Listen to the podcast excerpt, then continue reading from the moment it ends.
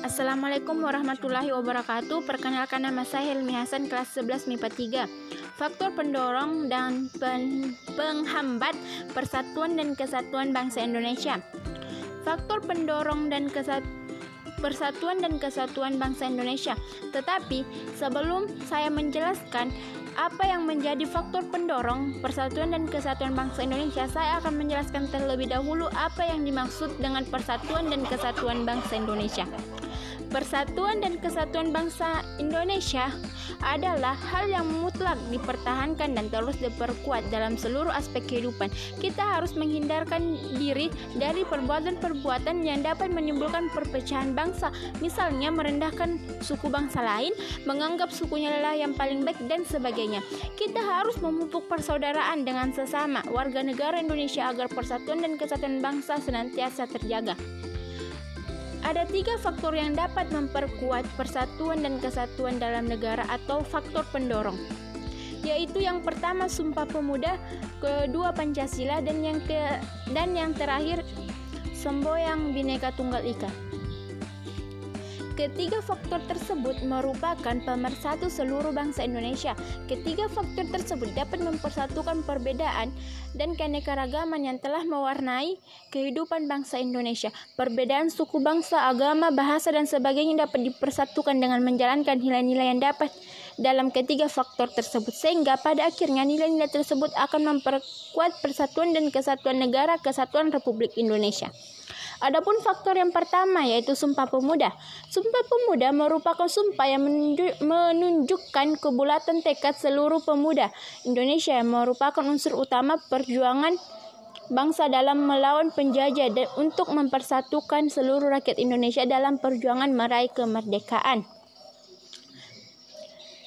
Yang kedua, Pancasila dapat memperkukuh persatuan dan kesatuan Da, Pancasila dapat memperkukuh persatuan dan kesatuan dalam negara kesatuan Republik Indonesia. Hal ini dikarenakan nilai-nilai Pancasila bersifat universal atau menyeluruh. Artinya, nilai-nilai Pancasila tidak diciptakan hanya untuk suku bangsa saja.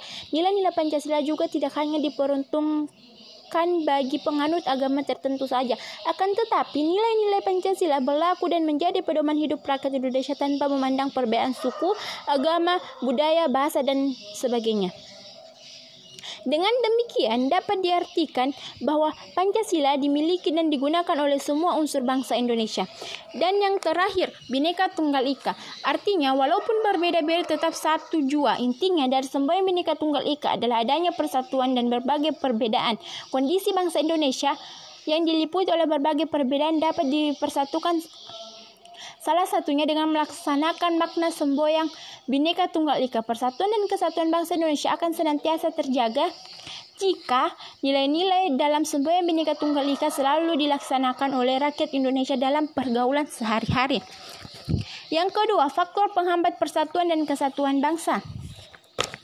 Faktor penghambat dan persatuan bangsa ada lima. Yang pertama, yaitu kebinekaan atau keragaman pada masyarakat Indonesia. Kondisi ini dapat menjadi penghambat persatuan dan kesatuan bangsa apabila tidak diiringi dengan sikap saling menghargai, menghormati, serta adanya toleransi yang telah menjadi karakter khas masyarakat Indonesia.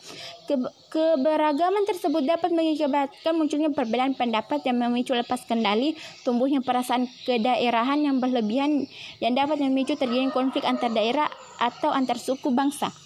Kedua, geografis.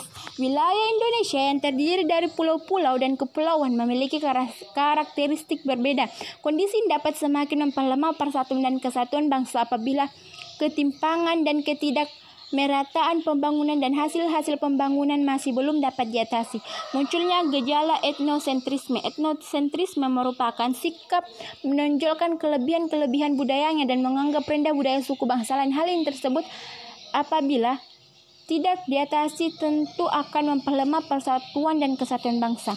Melemahnya nilai budaya bangsa. Nilai-nilai budaya bangsa dapat melemah akibat kuatnya pengaruh budaya asing yang tidak sesuai dengan kepribadian bangsa, baik melalui kontak langsung maupun kontak tidak langsung. Kontak langsung antara melalui unsur-unsur pariwisata, kontak tidak langsung antara lain melalui media cetak seperti majalah, tabloid, atau media elektronik seperti televisi, radio, film, internet, telepon seluler, dan mempunyai fitur atau fasilitas lengkap.